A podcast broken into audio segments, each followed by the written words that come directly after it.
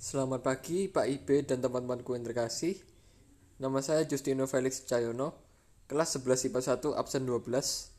Dan pada hari ini, tanggal 21 November 2020, saya akan membuat podcast tentang tutorial membuat lagu.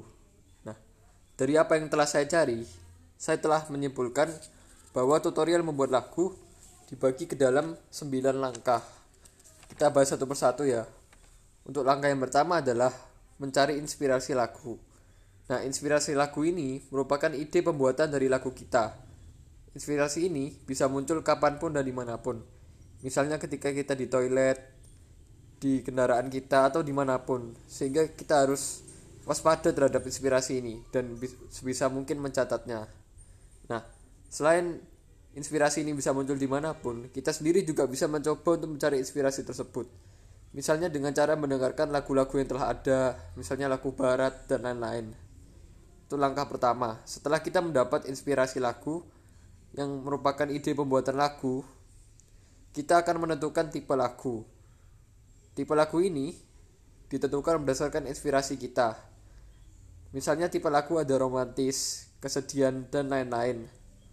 Tipe lagu ini nantinya akan berpengaruh ke nuansa musikalitas lagu dan lirik yang dibuat. Misalnya ketika e, tipe lagunya kita adalah kesedihan, maka lirik lagunya kita ya menggunakan kata-kata yang bertema kesedihan juga, misalnya menangis dan lain-lain. Dan musikalitasnya juga cenderung nadanya sedih. Nah, untuk selanjutnya atau langkah ketiga adalah menentukan genre lagu. Genre lagu ini bertujuan untuk menciptakan mood dalam lagu genre atau aliran lagu ini sebisa mungkin menyatu dengan tipe lagu yang telah kita tentukan. Nah, misalnya kita menggunakan tipe lagu romantis, maka genre atau aliran lagunya menggunakan aliran pop sebaiknya. Karena tipe lagu romantis dan aliran pop itu sinkron dan menyatu dan membuat lagu itu memiliki jiwa. Nah, lalu yang langkah keempat adalah membuat lirik lagu. Lirik lagu ini dibuat dengan struktur yang memiliki alur dan kedalaman kata sehingga memiliki efek dramatis pada lirik lagunya sehingga kita harus memperhatikan sangat ya alur dari lirik lagu yang telah kita buat serta diksi pemilihan kata-katanya yang sesuai dengan tipe lagu. Nah, pembuatan lirik ini juga bergantung pada inspirasi lagu yang kita miliki. Untuk langkah selanjutnya atau langkah kelima adalah menentukan struktur lagu. Struktur lagu ini dibuat dengan cara menata lirik lagu yang telah kita buat. Nah, dalam pembuatan struktur ini biasanya berdampingan dengan pembuatan lirik. Karena jika kita membuat lirik, kita akan membagi lirik tersebut berdasarkan strukturnya. Nah, kreativitas ini sangat diperlukan untuk membuat struktur lagu yang unik dan menarik. Lalu langkah keenam adalah menentukan nada dasar atau kunci dasar. Nah, nada dasar dan kunci dasar ini ditentukan sebagai patokan wilayah nada atau range yang bisa dijangkau oleh penyanyi. Nah, kunci dasar atau nada dasar ini penting sekali dalam suatu lagu. Kunci dasar itu menentukan seberapa tinggi nada dasar atau nada vokal yang mampu dicapai oleh penyanyi yang menyanyikan lagu. Biasanya untuk suara wanita menggunakan kunci dasar G, sedangkan untuk laki atau laki menggunakan kunci dasar C. Nah, kita akan harus mengusahakan untuk mencari kunci dasar atau nada dasar yang bisa membuat vokal kita dalam menyanyikan lagu itu rileks dan tidak menggunakan kunci dasar yang membuat kita mengeluarkan nada yang terlalu tinggi sehingga suara kita tidak enak. Harus pas berarti ketika kita menentukan kunci dasar sesuai dengan vokal kita jangkauan nada kita. Lalu eh, langkah selanjutnya yaitu langkah ketujuh adalah membuat nada lagu. Nah kita harus membuat nada, lagu tersebut terutama nada lagu di tiap struktur yang telah kita tentukan sebelumnya dengan mengembangkan kunci dasar. Yang pertama adalah kita membuat nada dasar nada awal atau intro.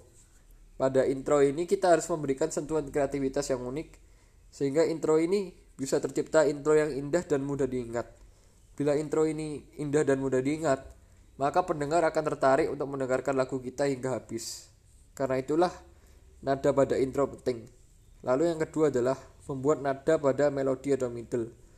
Ciri-ciri melodi atau middle ini sendiri adalah alat musik itu ditonjolkan nadanya, sedangkan vokal kita berhenti menyanyikan lirik dan hanya membacking atau membantu nada melodi. Nah, nada pada melodi ini kita sebaiknya membuatnya yang simple tapi cocok dan menyentuh pada lagu. Sedangkan e, nada terakhir yang harus kita buat adalah nada akhir atau outro. Biasanya pada outro ini ada klimaks, namun tidak harus ya. Klimaks ini merupakan bagian dari lagu yang memberikan alur cerita yang runtut, menyambung dan mudah dipahami. Sehingga klimaks ini harus ada dalam lagu. Biasanya klimaks ini ada di outro ya, biasanya. Lalu untuk langkah ke-8 adalah finishing.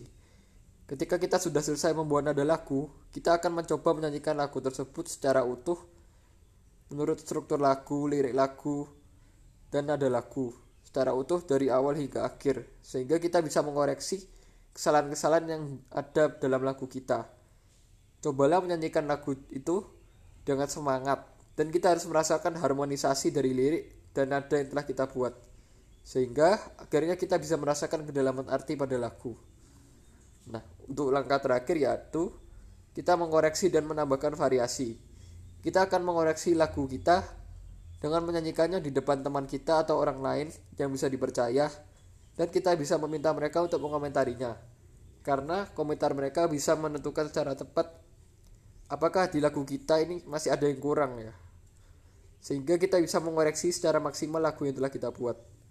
Saya rasa sekian saja untuk podcast kali ini tentang tutorial membuat lagu. Saya mohon maaf bila saya membuat kesalahan dalam kata-kata saya dan terima kasih sampai jumpa selanjutnya.